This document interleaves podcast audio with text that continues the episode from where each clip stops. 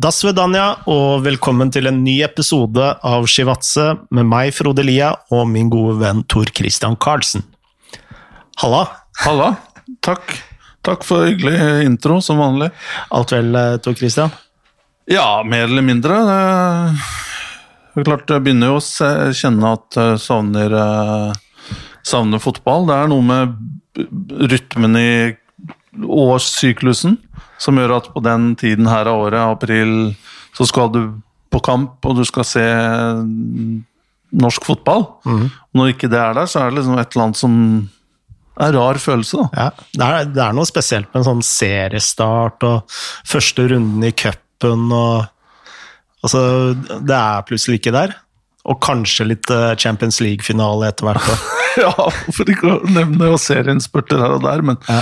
men jeg savner faktisk mest den norske fotballen, det må jeg bare innrømme. Jeg syns det er mye nærere og, og mer givende å, å følge med på. Eh, og det å også kunne reise på kamp her i Norge sånn, noen ganger i uka Mm. er jeg, jeg tror det, Nå skal jeg ikke bli helt sånn superromantiker og sentimental her, men det er vel kanskje når man mangler det, man kjenner hvor, hvilken rolle fotballen har i livet. Uh, og det er ikke sånn at jeg ikke har andre hobbyer og ting å drive med, da, men allikevel så er det jo klart at du har jo holdt på med Jossimar og, og andre ting. Da. Alt relatert til fotballklubb i fjerdedivisjon de siste to-tre årene. Og jeg har jo jobba med det her også, i mange år, så det er klart Fotballen har jo stor plass i livene våre, og når det plutselig er borte, så er det liksom Ja, en rar følelse. Hvordan har du klart å døyve det savnet? Eller har du klart det, eller? Eller du har jo åpenbart ikke klart det, siden du savner det. Men... Nei, men jeg, jeg merker at det er en sånn, bare en sånn rar følelse der hele tiden. Ja. Som, men jeg kompenserer litt med Jeg savner jo også å reise. Å reise rundt i Europa. Det, det var jo også en av de tingene jeg så fram til eh, etter, etter at jeg eh, ikke skulle bli med lenger i start, så var jo også det en av tinga som jeg gleda meg mest til. Å reise rundt fritt, besøke folk og lære og hente informasjon og ja, sånne ting. Og så ble jeg sittende her da, i Oslo. Så jeg ser mye YouTube på På ting fra fjerne strøk, og jeg har spesielt én konto som jeg har blitt litt sånn uh, veldig opptatt av, som heter Bold and Bankrupt. Oi.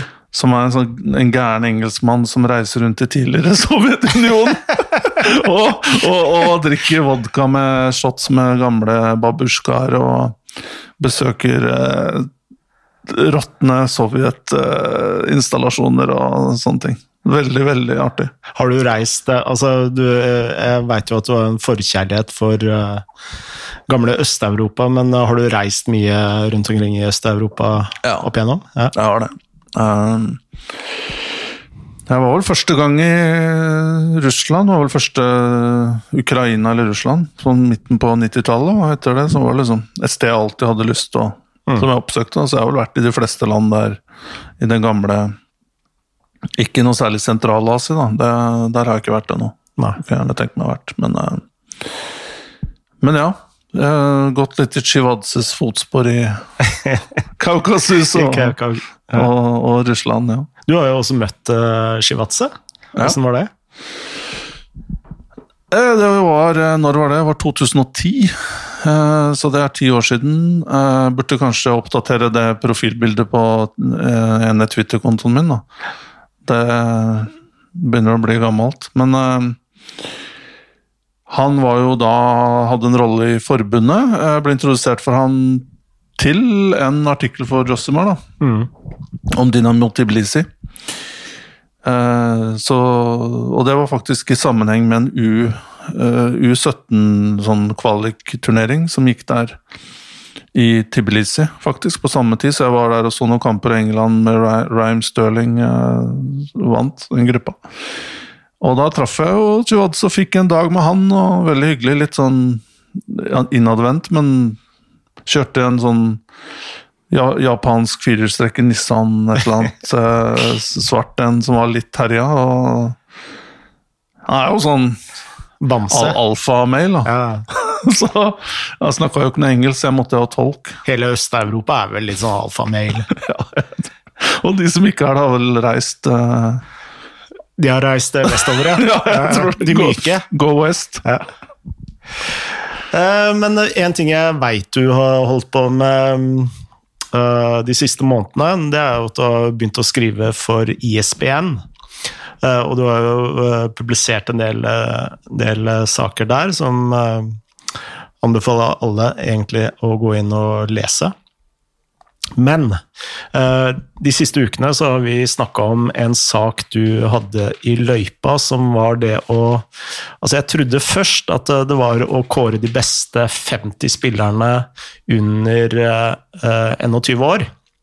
Men så viste det seg at det var de beste spillerne under 36 eh, Nei, de, altså de beste 36 spillerne under 21 år.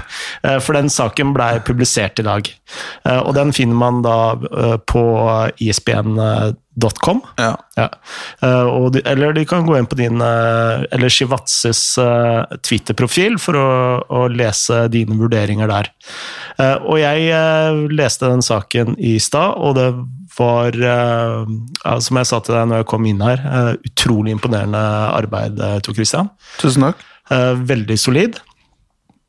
Og, og jeg veit jo hvor mye du har Uh, altså brukt av tid og uh, bekjentskaper for å, å lage den saken her. Så jeg foreslo at uh, kan vi ikke lage en hel episode hvor du rangerer de 25 beste spillerne under 21 år.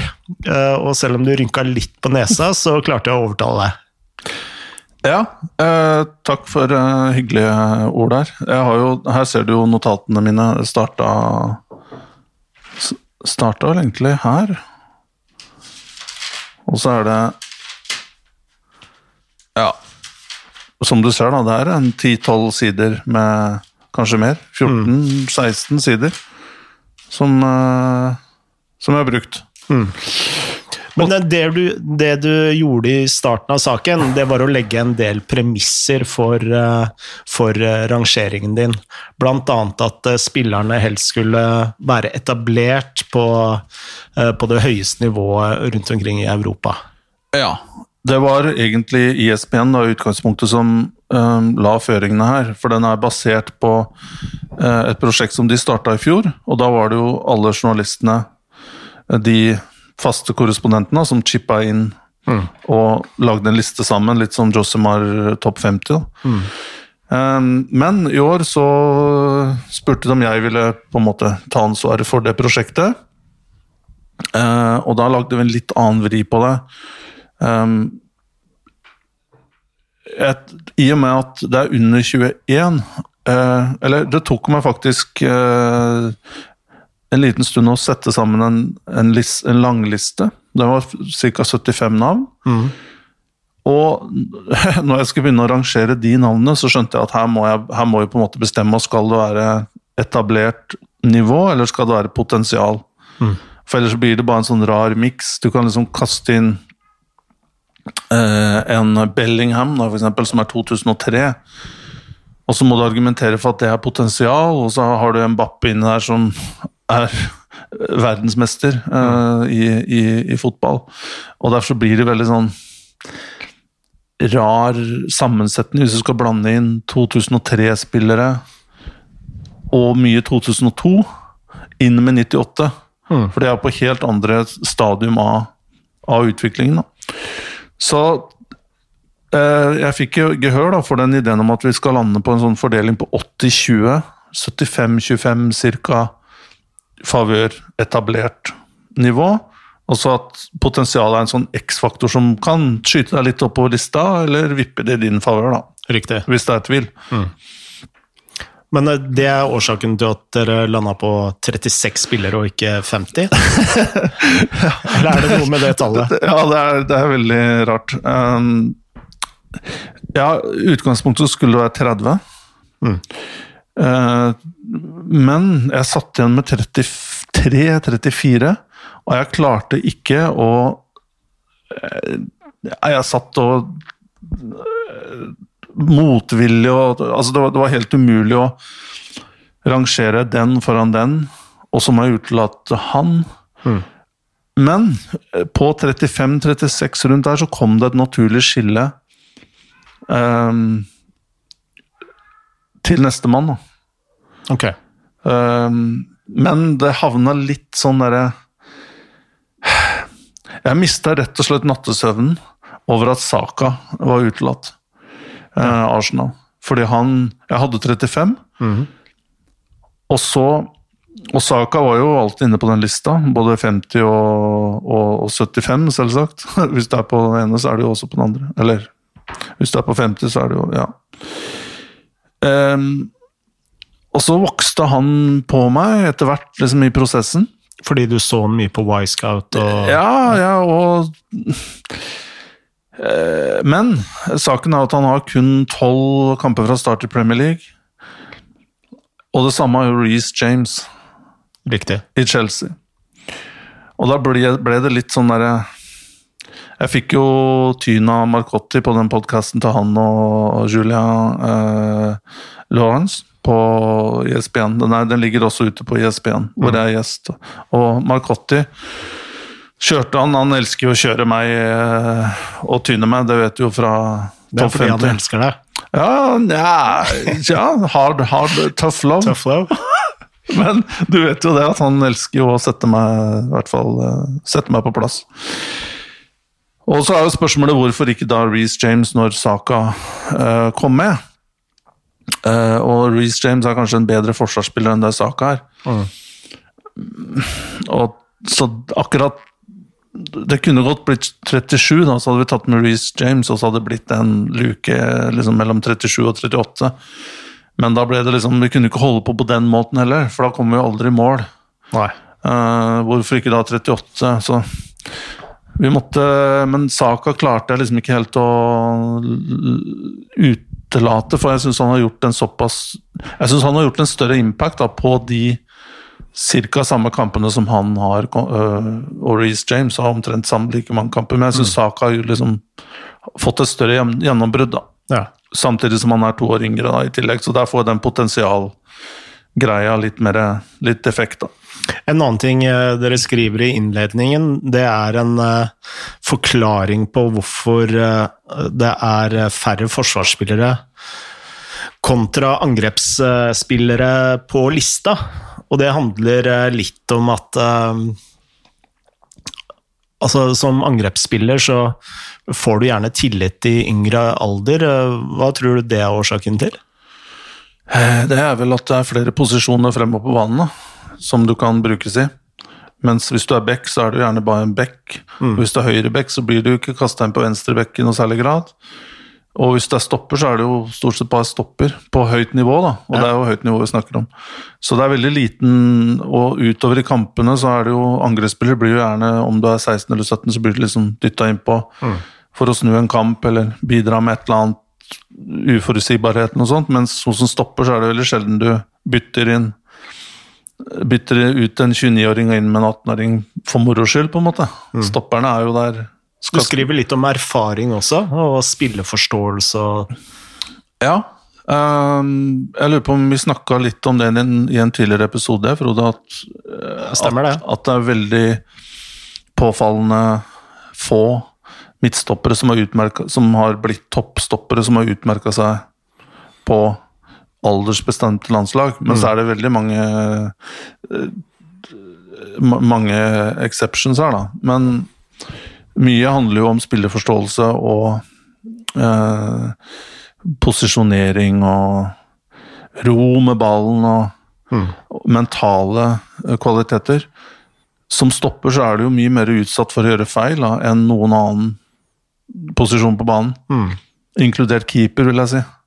Keeper er liksom enten så redder du eller ikke, men hvis du gjør en stor feil som stopper, i hvert fall i dag, da, når du skal begynne å liksom, det er så mye fokus på frispilling og spille ut bakfra.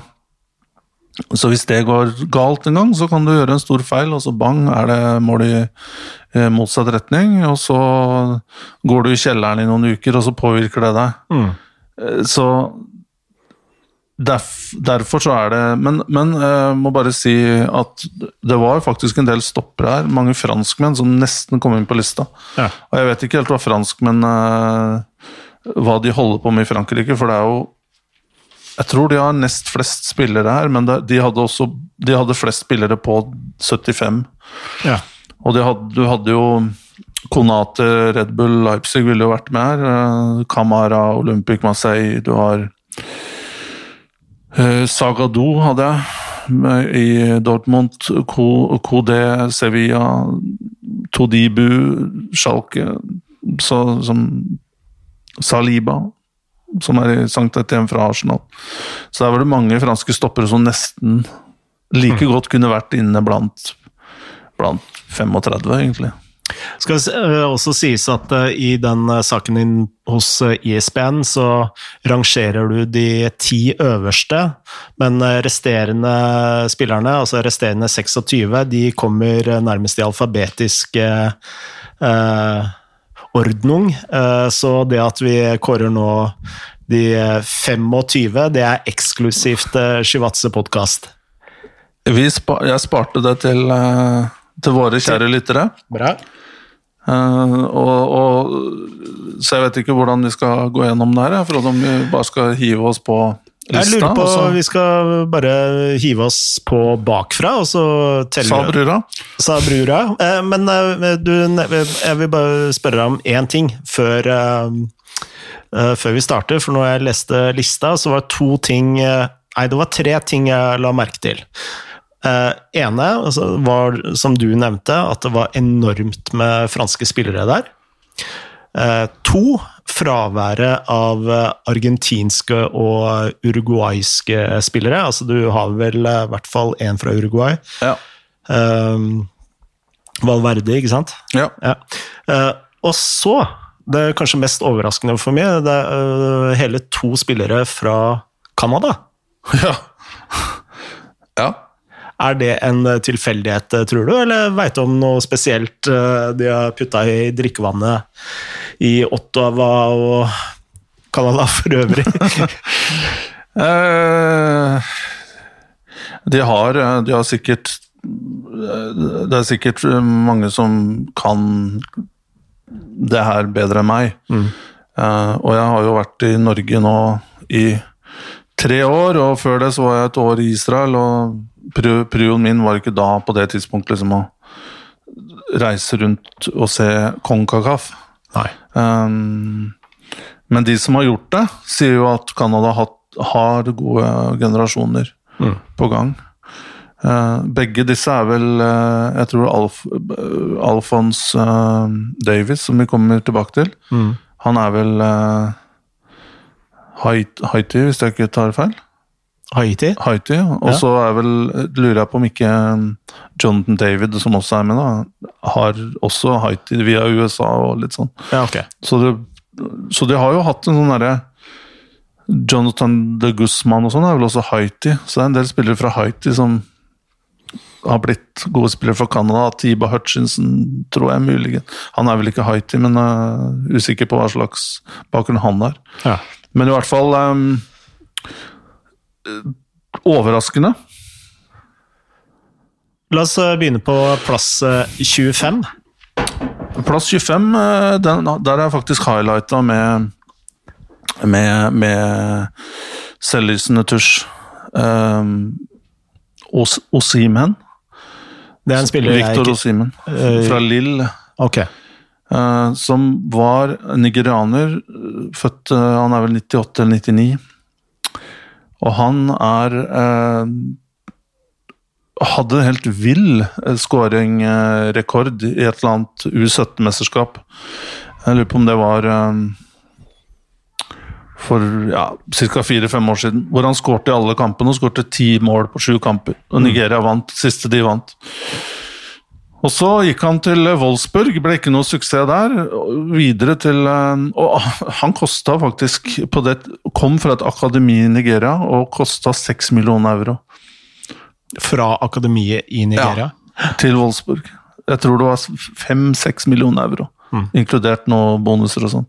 Så noen ble veldig rike her. I Nigeria. ja. Um, han gikk til Anderlecht, slo OK til, men nå har han virkelig fått fart på karrieren. Og det jeg liker med han, er at han er så utypisk. Uh, skal ikke ha ballen i beina, skal bare løpe, chase hele tida. Lynhurtig, god, god, uh, meget aggressiv i presspillet. Gjennombruddshissig, selvsagt. Og er sånn derre Bryr seg ikke så mye om hvordan ting ser ut. da. Han skal bare ha ting gjort, og ha den ballen inn i nettet. Høres litt sånn typisk nigerianer ut. Ja, Nigeriansk spiss. ja Fysisk eh, presence. Ja, og uh, Helt riktig. Så jeg liker han. Uh, og det var Marcotti som fortalte meg på podkasten som jeg var med på, at ifølge disse Stats-gutta, så er han den spilleren på toppnivå som har li, mest tilsvarende data og profil som Harry Kane. Ja. Som på en måte makeup, da. Eh, nummer 24 har jeg en spiller som jeg også har highlighta, Feld jeg. Jeg er usikker på om disse to egentlig fortjener sånn eh, like for like å være på topp 25, ut fra det de har liksom prestert, men her har jeg på en måte Her er potensialet inne i bildet, eller potensial, men også mm, personlige preferanser? preferanser, for her har du også en spillertype som jeg eh, elsker. Og forstår egentlig ikke hvorfor, hvorfor ikke vi, spesielt i Norden, får fram flere sånne typer. Uh, og det er Dejan eh, Dejan, Dejan Kolosevskij. Mm. Eh, gikk fra Atlanta til Juventus i januar. 35 millioner euro, tror jeg det var. Svensk. Fra Brommapojkarna. Ble lånt tilbake til Parma. Har spilt på lån i Parma, så ganske, men de fleste kjenner den historien her. 0-0-modell, men jeg, jeg bare Han har liksom Juventus dypt inn i DNA-et sitt. Da. Han har fysikken, han har farten. Han har eh, også finessene. Han eh, slår meg som en eh, litt sånn smart spiller for eh, alderen. Er du enig i det? Eller la meg omformulere litt. En sånn type spiller som du vet Fabio Capello ville elska? Ja, ja, ja. Absolutt. Men han har, har hele den pakka for å lykkes i, i, i ita, italiensk fotball. Meget god, godt venstreben. Kan spille på høyre, framme, kutte inn, men også motsatt. Og, og som spiss. Men jeg kunne tenke meg å se han som indreløper. For Ja. han er 1,87-88, for han har også kilometer i beina. da. Mm. Og han er eksplosiv og Så jeg savner litt av den typen der. Mm. Eh, og det eneste fiffafferi som han tillater seg, det er eh, Det er en eh, et hælspark. Det, det liker han. Ja. Og gjerne gjennombruddspasning med hælspark. Har hatt tre-fire av dem i Serie A. Han, han har vel gått litt under radaren bak Alexander Isak? Ja, han forsvant jo ut han, Sånn er det vel kanskje ofte med de som forsvinner fra hjemlandet uten å markere seg i hjemlig fotball. ja. Mens Isak hadde en stor sesong i AIK før han forsvant. Så. Mm. Og han ble vel kjøpt for en ganske liten sum da, til Atalanta og jobba seg oppover akademiet der. Men jeg er veldig stor fan av han. og Igjen spillestil. Jeg vil oppfordre unge spillere å se på han. Uh, nå, nå kan liksom ikke alle få den farten at, og det er, men, men det, å kunne bruke fysikken din på en mer eh, nyttig måte, da. Jeg syns han er veldig flink til. Og han Og at han, han er så konkret i spillet. Skal liksom ikke alltid ha ballen i beina og Det er, det er litt det jeg mener med sånn Capello-type spiller. For det, jeg tenker på i biografien til Zlatan, hvor eh, Capello forteller at han skal banke Ajax ut av kroppen hans. eh, og det han prøver å si, da, han skal banke ut all sånn non nonsens eh, Han skal bare ha ballen i mål. Ett touch eller eh, ikke noe hælspark. Altså ingenting. Eh, ba, og så stå igjen med essensen og det effektive. Ja. Um, Og det er kanskje eh, Kan jo komme tilbake til det akkurat nå. Det er en veldig god overgang. For det på 23 så har jeg Martin Ødegaard. Og eh, det er kanskje akkurat den biten der som jeg savner. Jeg skal ikke banke Strømsgodset ut av Martin, Martin Ødegaard, men i motsetning til for så vidt Os Victor Osimen uh, spiller en annen rolle. Dejan Kolosevskij er jo også offensiv midtbanespiller, men og det kan godt hende at Ødegaard er lenger framme sånn rent CV-messig enn enn Kolosevskij, og Ødegaard er to år så vidt, da. 98, og mm. Kolosevskij er 2000. Det som jeg føler eh, Ødegaard har um, å jobbe med, det er jo kontinuitet i spillet. Ja. Og det å ta de skiftene mellom Mellom det du er veldig god på, da. At uh, han Det er jo ingenting som Altså, det han er veldig, veldig god på, er han god på. Ja. Og de, disse gjennombruddspasningene som man kan slå i blinde, og timingen på det og sånn, det er jo verdensklasse på. Og det er jo en uh, egentlig en Guds benåd, altså en Guds benådelse å få den derre fotballhjernen og timingen og mm. venstrebena hans.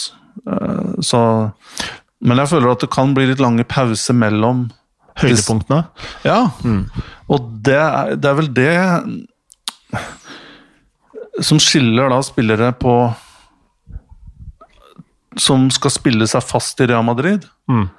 Jeg kan komme litt tilbake til det senere, for det er andre Real Madrid-spillere som, som, er på lista her. Men det å kunne prestere dag ut, dag inn på minimum seks mm. Jeg føler Ødegaard er ofte på en åtte og nier, men han er også nede på en treer og firer. I hvert fall i mine øyne. Ja. Men det å heller legge seg på en sjuer, da. Jeg skal, uh, må jo si det at jeg veit ikke din rangering nå, for vi ville gjøre det ja. litt sånn autentisk, så jeg ville ikke vite lista di. Uh, men uh, det du skrev om Ødegård i din sak i ISBN, da skvatt jeg lite grann. Fordi jeg har latt meg imponere av Ødegaard eh, veldig Altså, jeg har vært veldig imponert over han, men eh, så begynte jeg å tenke litt at eh, altså de fleste kampene jeg så til i Ødegaard denne sesongen, da de kom i starten av sesongen, og da var den jo glimrende. Så jeg har liksom tatt med meg det inntrykket gjennom resten av sesongen. Og så har jeg fått med meg at han har jo dala litt sånn ja, fra juletider og, og, og utover. Men uh, altså Det var den ene tingen. Men så når jeg leste gjennom hele, hele saken, og så hvilke spillere i samme aldersgruppe han faktisk uh, konkurrerer med uh, Blant annet, Vi skal jo innom en Bayer Leverkosen-spiller litt senere. Så, så, gir faktisk en 23.-plass mer mening, da. Og du skriver jo noe veldig viktig nå. Du etterlyser litt mer presence mm. Eh, og eh, stabilitet, og det er jo jeg tenker det er helt riktig, men eh, det er som du sier, altså høydepunktene til, til Ødegaard er jo, det er jo helt klasse. Ja, mm. absolutt. Og, men jeg, jeg, sier også at han han ligger jo Ødegaard blir 22 i desember. 20. desember, tror jeg det er. Eh, så han er 21 år, altså. Og han ligger jo absolutt etter skjema. Ja. Så ja, vi husker han som 15-16-åring og forventa kanskje Messi, men han blir ikke det. Nei. Han, han, kommer ikke til å bli Messi, men han kommer til å bli sannsynligvis en av de beste spillerne vi har hatt i Norge, Norden, er kanskje allerede det. Og det er jo fantastisk, det òg. Eh, det er én vurdering. Eh, det er veldig mange som eh, vil se, se Ødegaard som dypt midtbaneanker. Hva tenker du om det? Jeg, jeg tenker at det er litt tidlig å si. Det er litt sånn, Jeg husker jo første gang jeg så, så Modric i 20, 2005, tror jeg det var. Da var han Eller 2004, han var 19 år. Og da spilte han og Eduardo Hva het han? Eduardo og spissen, brasilianeren, som kroat-brasilianer, som gikk til Arsenal og ble skada. Men de to, da eh, Jeg tror det var mot Serbia, faktisk, i Kroatia. U21-landskamp, og Modric spilte jo tier og ja, Helt vanvittig prestasjon. Da spilte han jo Inter Sapresic mm. i Kroatia på lån fra Eller Dynamo Zagreb hadde jo allerede fått henda på han. Um, og jeg var litt sånn jeg gikk så lenge med den Modric. Han ble jo tatt ut i VM-troppen i 2006, et par år etterpå. Spilte jo offensiv midtbanespiller, og så ble han flytta tilbake. Og han ble jo sannsynligvis en enda bedre fotballspiller. Mm. Uh, men jeg, sitter jo litt sånn samtidig og tenker hva hadde Modric blitt hvis han hadde fått spille den tierrollen? Mm. Kunne han blitt enda større? Jeg tror Modric har litt mer sånn et, Litt mer robust. Mm. Selv om han er sammenlignbar i høyde og fysikk på Ødegaard, så hvis du ser på Modric, så har han liksom lært seg å komme unna ting. Han blir ikke stuck mellom spillere. Han tåler dueller. Han har et, uh, også smart og finner plass hele tiden. Ja. Man har kanskje også et eh, litt annet blikk. Altså du ser eh, Det skal jo ikke bli helt uh, Geir, Geir Jorde her, men det, det slår meg at uh, Modric har kanskje litt mer sånn Veron-type blikk. At du ser lengre, mm. mens uh, Ødegaard er mer sånn korte blikk overalt hele tiden. Ja. Uh, men eh, det får Geir Jorde ta seg av. Men jeg, jeg, jeg, vet ikke. Jeg syns Ødegaard, eh, som, som, jeg sier Det at han på lista her um, Og jeg skal også innrømme at dette kommer sikkert som et sjokk for mange. Jeg har brukt, uh, og uh, sikkert mange der ute som betviler min uh, mine vurderingsevner, men jeg har brukt ganske mange fagfolk. Mm. Eh, jeg har fått eh, Jeg har brukt fire speidere som jobber i toppklubber. ene er uh, sjefsspeider i en toppklubb, andre er ansvarlig for utenlandsspeiding. Alle er fulltidsspeidere. Alle jobber med speiding utenfor sine egne landegrenser. Og ingen av dem hadde Ødegård på topp 30. Ingen? Ingen av dem hadde han på den. Så jeg tror vi skal også akseptere at, og selv om det er mye eh, Marca og, og, AS og, eh, og El Mundo Deportivo, eller hva den heter Det er liksom Ja, det er mye bilder av Ødegaard også på forsiden i Spania, men det er, henger nok også sammen med at han er Real Madrid da, sin spiller, og mm. man skal selge uh, man selger flere aviser på ha eh, spillere fra den klubben. Men uh, Ødegaard er nok vi Og sånn skal det jo være òg, da. At vi skal på en måte elske våre barn mer enn det naboen gjør. Absolutt. Så, så, men vi skal, jeg tror vi skal være litt, litt oppmerksom på at kanskje han har en høyere status her enn han har i, i utlandet. Men som sagt, Ødegaard er, han er on track, han. Mm. Og dette her er Jeg har også sagt tidligere at jeg satt med hakeslepp da jeg satt sammen de 75 her og tenkte hvordan skal jeg klare å, hvordan skal jeg klare å lage en liste ut av liksom det, Jeg har aldri i mitt liv, Frode, sett så mange spennende spillere. Mm. Unge. Før så har det vært liksom sånn når du har kommet ned på 25-30 at åh, ja, skal vi ha med han?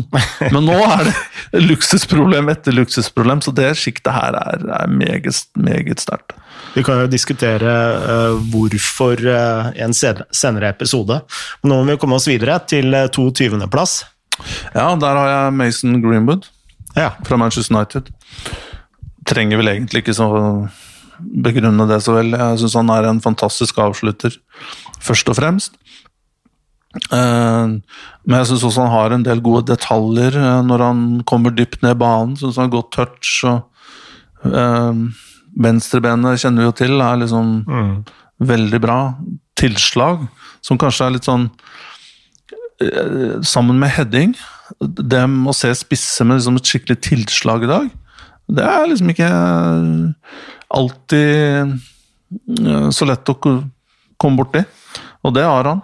Han, øh, han har jo litt sånn øh, likt tilslag som det Ole Gunnar Solskjær faktisk hadde. Han bruker jo denne innside skuddteknikken øh, veldig ofte. Altså, det er jo ikke bare Ole Gunnar Solskjær som uh, gjorde det, men uh, det var jo noe han også var liksom kølen opp i lengste, lengste hjørnet med innsiden. Ja, altså Men, men jeg syns han har en god, også en god miks mellom det å plassere og bruke teknikk, og det å bruke tilslag. og Han, kan, han har jo så tilslag at det liksom bare han treffer mål, så tar ikke keeperen ballen om du ikke liksom bare treffer midt på keeperen. Da. For det. Så det, det syns jeg er kult med han. Jeg er litt usikker på Ja, han kommer til å Han skal jo selvsagt være i innenfor straffefeltet. Det er det han For han er en målskårer, men jeg er litt usikker på liksom, hvor er det akkurat riktig posisjon hans. Uh, og dette her var et poeng som en av de Som jeg prata med en av de speiderne som, som, som jeg har konsultert. At liksom, noen ganger så må du må spillere slutte å score før du begynner å skjønne dem hva spilleren handler om.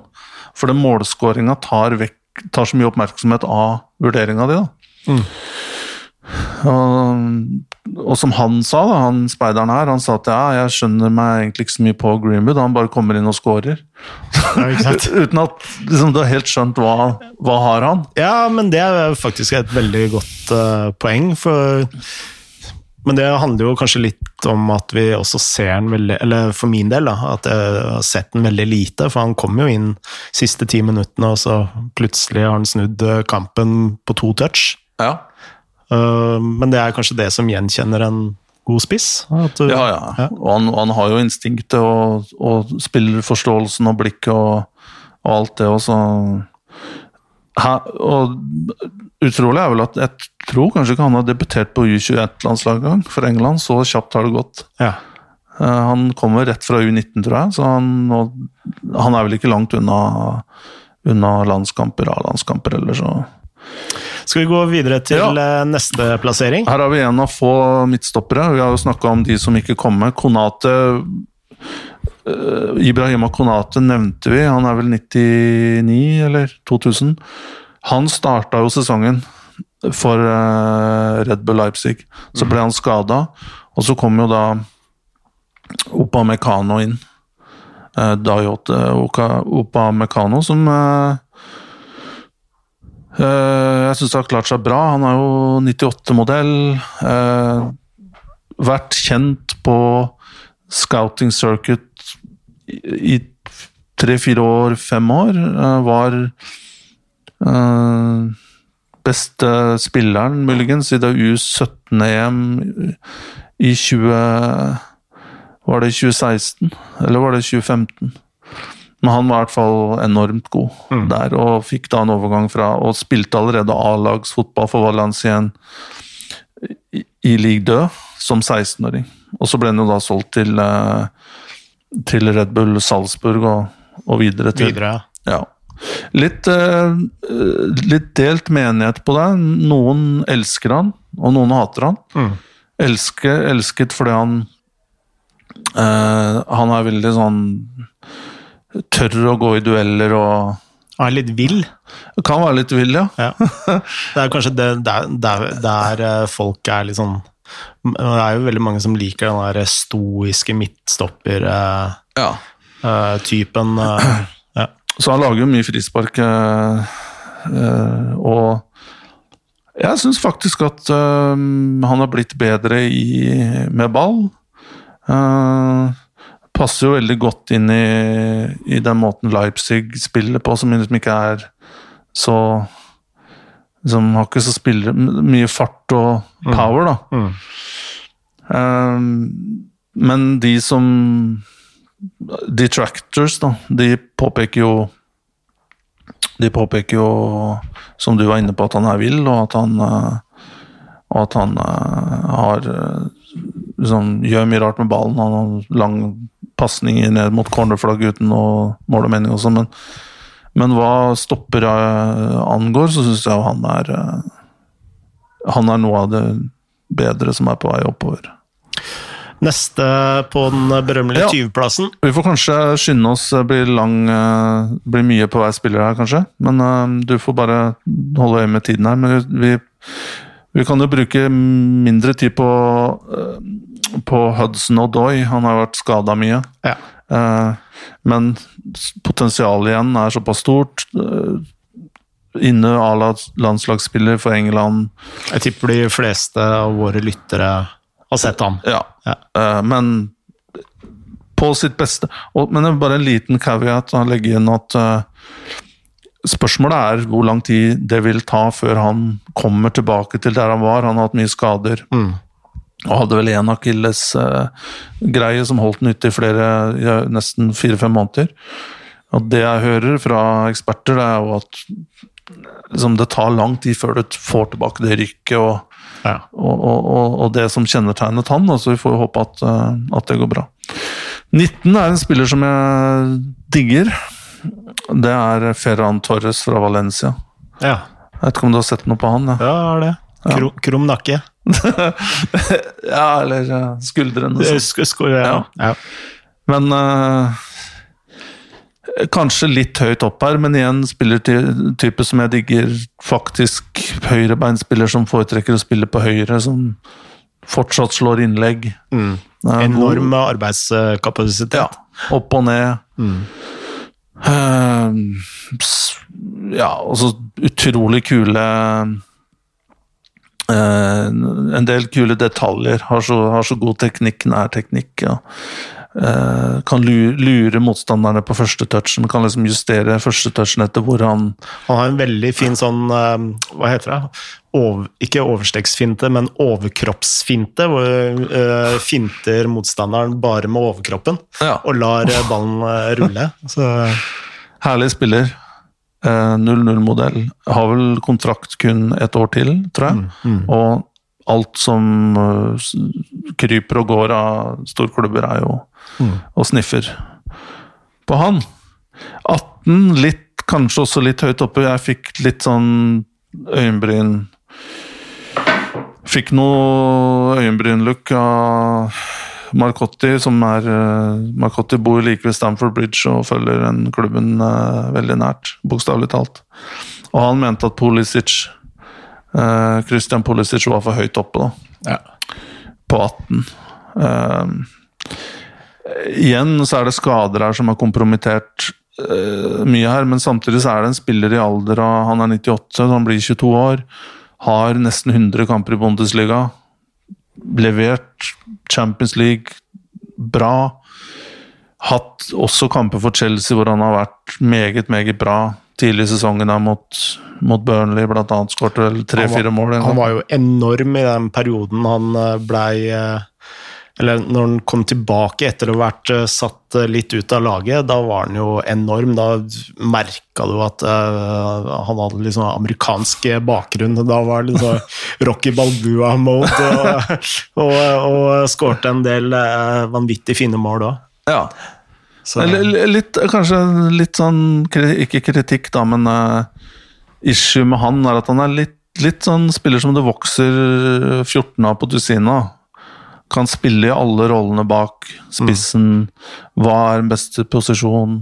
Våkner eh, i all hovedsak når han får ballen. Kan droppe litt inn og ut av kampene, men har så mye kvalitet. da Ja. At når han våkner, så er, skjer det ting. Litt den kritikken som Ødegaard også Ja, jeg skulle fikk, da. si det. Ja. Ja.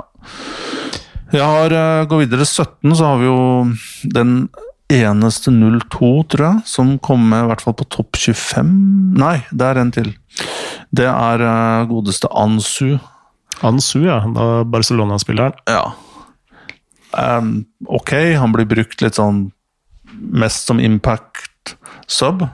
For Barcelona har vel kun starta seks-sju kamper. Men det jeg har sett, syns jeg det er verdt inngangspengene, det. Absolutt. Også uh, fantastisk spiller å se én mot én. Og han har litt sånn altså Jeg skal ikke sammenligne den med Ronaldo, og da mener jeg originale Ronaldo, men det er noe av den der elegansen og rytmen som øh, er iallfall litt i sånn samme område, tenker Ja. jeg. Ja, altså vanskelig å lese. Ja. Uh, og hvis du gir han en, eh, liksom en meter, da, bekker som ikke kommer nok, liksom kommer opp i han og blir stående litt på halvdistanse, så er du jo ferdig. Han eh, så Og samtidig syns jeg han har et, også et Det er jo den der, de bevegelsene uten ball er gode, syns jeg. Uh, ja, han er alltid der, da. Hvis det er et, hvis det er et eh, Hvis man vinner ballen høyt, og så Mm. kommer det løpet fra hans U, og så er det liksom skummelt. Gir han ballen. Han, eh, han er svært spennende. Uh, nummer 16, han har vi jo, har vi jo nevnt. Uh, Jonathan Nei, ikke Jonathan David, men landslagskompisen. Alphonse Davis ja. i Bayern. Fra Bayern München, ja. Og, og fra Canada. Ja. 0-0-modell. Um, konvertert wing til Beck i år. Til Beck, ja. Og eh, Jeg vet ikke, han, han, han klarer seg jo i Bayern eh, med den stilen de spiller. Skal spille seg ut bakfra. Få mye touch på ballen. Og det, selv om Bayern har gått på noen smeller der med, den, med å spille seg ut bakfra, så er det vel ikke han som har vært uh, så mye innblanda i det, tror jeg. Nei. Men uh, så han har jo gode Han er god med ballen nå. Men den Den eh, atletiske kroppen og den farten han kommer opp i, er helt vill. Og det er, jeg mener jo at um, det gir mening ofte å sette sånne spillere på bekk istedenfor på ving. Du får jo mye mer sus i løpet når du starter så Ja, dypt. når du starter så dypt, ja. Og, Ja. og du får opp den toppfarten. eh, Og han bruker jo hvis, hvis liksom det er øh, overganger og det er plass, så så bruker han liksom bare motstanderen nesten som trampolin og ta, kjører skuldra inn i dem og spretter forbi. Og det er, det er bare en Jeg vet ikke hva slags um, Nå ble det målt av Haaland, hadde løpt fra Usain Bolt på 100 meter, så jeg vet ikke hva, hva, hva Alphonse Davies hadde. Han kan umulig være noe, noe tregere. Men helt vanvittig drive på den spilleren. Hva, hva syns du om han én mot én defensivt? Er det ankepunktet hans? Ja, ja, det er det jo. Eh, I og med at han også er eh, konvertert eh, wing. Når han gjør feil høyt oppe i banen, så er det ikke noe problem, for han løper jo opp alt. Så du tror, og selv kjappe vinger tror, eller kantspillere, de tror liksom nå, nå er jeg fritt leid framover her, men plutselig så er jo Davies tilbake og, og kommer seg foran og Ja. snapper ballen. Men han klarer seg jo på en måte Det er jo farten, og jeg har til og med sett en del situasjoner hvor han gjør dette her inne i boksen. Så han blir på en måte utspilt på 25-20-18 meter. Høres jo helt sprøtt ut. Og så- men så kommer han tilbake, for han løper det opp. Og så overrasker da ballfører, for han er så hurtig og er ikke vant til det. Når du først har kommet deg forbi så nær mål, da. Så, så skal du på en måte komme til en product. Men der er Davies igjen. Så han har jo en determination i tillegg. Absolutt. Skal vi gå eh, neste plass? Ja. 15.-plass? Eh, mye debatt rundt eh, nummer 15, som er Rodrigo med Y fra Real Madrid 01. Kom fra Santos. Um, noen som jeg snakka med, ville ha han topp fem. Eh, og så ser man jo litt på tallene at han Han har jo ikke levert noe særlig for Real Madrid, bortsett fra, bortsett fra en hat trick i Champions League, var det vel, mot uh, Galatasaray. Men han hadde jo en god periode der på høsten. Eh, men er før eh, koronaen eh, satte ut fotballen, så, så var han vel nede på Castilla og måtte trene og spille med dem. Ble vel utvist også en Castilla-kamp. Og det Zidane ikke så amused med det. Nei. Så jeg tror det er noen issues der med tanke på hvordan han har takla den motgangen etter den gode perioden på høsten. Men det er, det er jo mange som også hevder, eller flere som hevder at det er noe av de største talentene de har sett i, fra Brasil de siste 20 årene. Um, men Rodrigo. ja. Ja, med Y. Og igjen så er det jo mange av de samme kvalitetene som han har, som deles av, av, av flere av disse andre her, da, én mot én. Spilleforståelsen, tilslag har han også. Kan spille på høyre, kan spille på venstre. Um, sånn kreativitet og en bevegelse, altså en sånn naturlig fotballspiller. Kommer fra Santos for var det 40 millioner euro, eller noe Ja, sånt. og han har jo blitt uh, ofte sammenligna med en annen som eh, gikk fra, eh, fra Santos. Eh, Og det ikke Robinho, nei, ikke Robinho, nei. Men eh, Neymar. Men jeg, jeg ser på de som ganske ulike spillere, på en måte. Neymar er en mye mer sånn fiksfakser-type Ja, spiller. Ja, enig. Mer konkret Ja. eh, Rodrigo. Selv om Neymar har blitt mindre ballbinge, han òg, Ja. etter hvert. Mm. Men, eh, men eh, Rodrigo er jo en spiller som jeg forventer at kommer til å klatre betraktelig på denne type lister framover. Mm. Så, men 19 år, da. Du får huske på det. 0-1. 14 er kanskje litt høyt, men Og igjen Nå snakker vi preferansene dine. ja, og dette er ikke en typisk spiller som jeg egentlig er så veldig fan av, men samtidig syns jeg han er en god fotballspiller og har fått landskamper på England. Dette er nå kommer mange til å kanskje kaste mobilen eller uh, i, i veggen her, men uh, det er Mason Mount, Chelsea, Ja. som jeg, jeg syns er en uh, jeg, jeg, jeg liker han intelligent fotballspiller, han vil ha ballen hele tida. Ganske fundamental, syns jeg, i det der eh, offensive spillet til Chelsea. Binder ting sammen, ser løp på høyre, ser på venstre. Eh, kan spille liksom god til å finne en tidlig eh, switch. Mm. Klok, intelligent spiller. Kanskje litt um, omstendelig, han òg, da. Og kanskje litt uh, Dekke litt lite rom, for han er ikke så atletisk, da. Han er ikke noen stor atlet, Mou- uh, Mount, men samtidig syns jeg er en fin fotballspiller. Han har sju landskamper for England, og det er klart at da skal du et stykke opp på den lista her. Ja. A-landskamper. Litt sånn god, god hverdagsspiller. Det er litt sånn lapskaus på en, eh, lapskaus på en onsdag-type spiller. Ja, jeg, jeg tror han er en Kommer til å få en god karriere. Ja. Eh, og, og mange av disse er jo spillere som fort kan Ikke så mange av disse, men noen av dem. De som er veldig avhengig av, av skills da. Eh, og Men- talent. De kan jo fort forsvinne og blir enten-eller, men han tror jeg er en stabil, god spiller. Men er det fordi eh, Mason Mount har spilt så mye at du har den foran Rodrigo, f.eks.? Ja. For, og det, det, den vektingen 80-20 her er jo Ja. Den er jo uttalt. Fordi Og det er klart, når du da har sju landskamper for England og ja. er mer eller mindre fast landslagsspiller nå for A-landslagsspiller for England, Mm.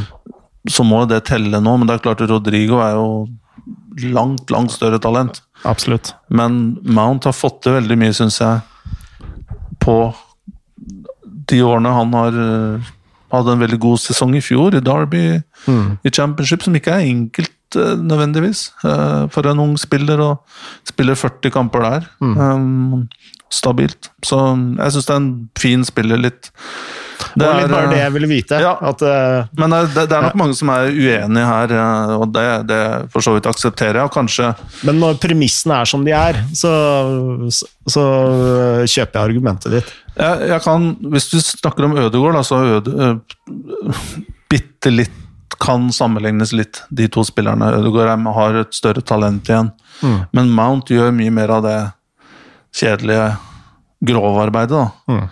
Uh, mens Ødegaard er mer opptatt av liksom, Ikke opptatt, man er oppdratt til å gjøre en Sette mer fokus på disse mer avanserte tingene på siste tredjedel. Mm.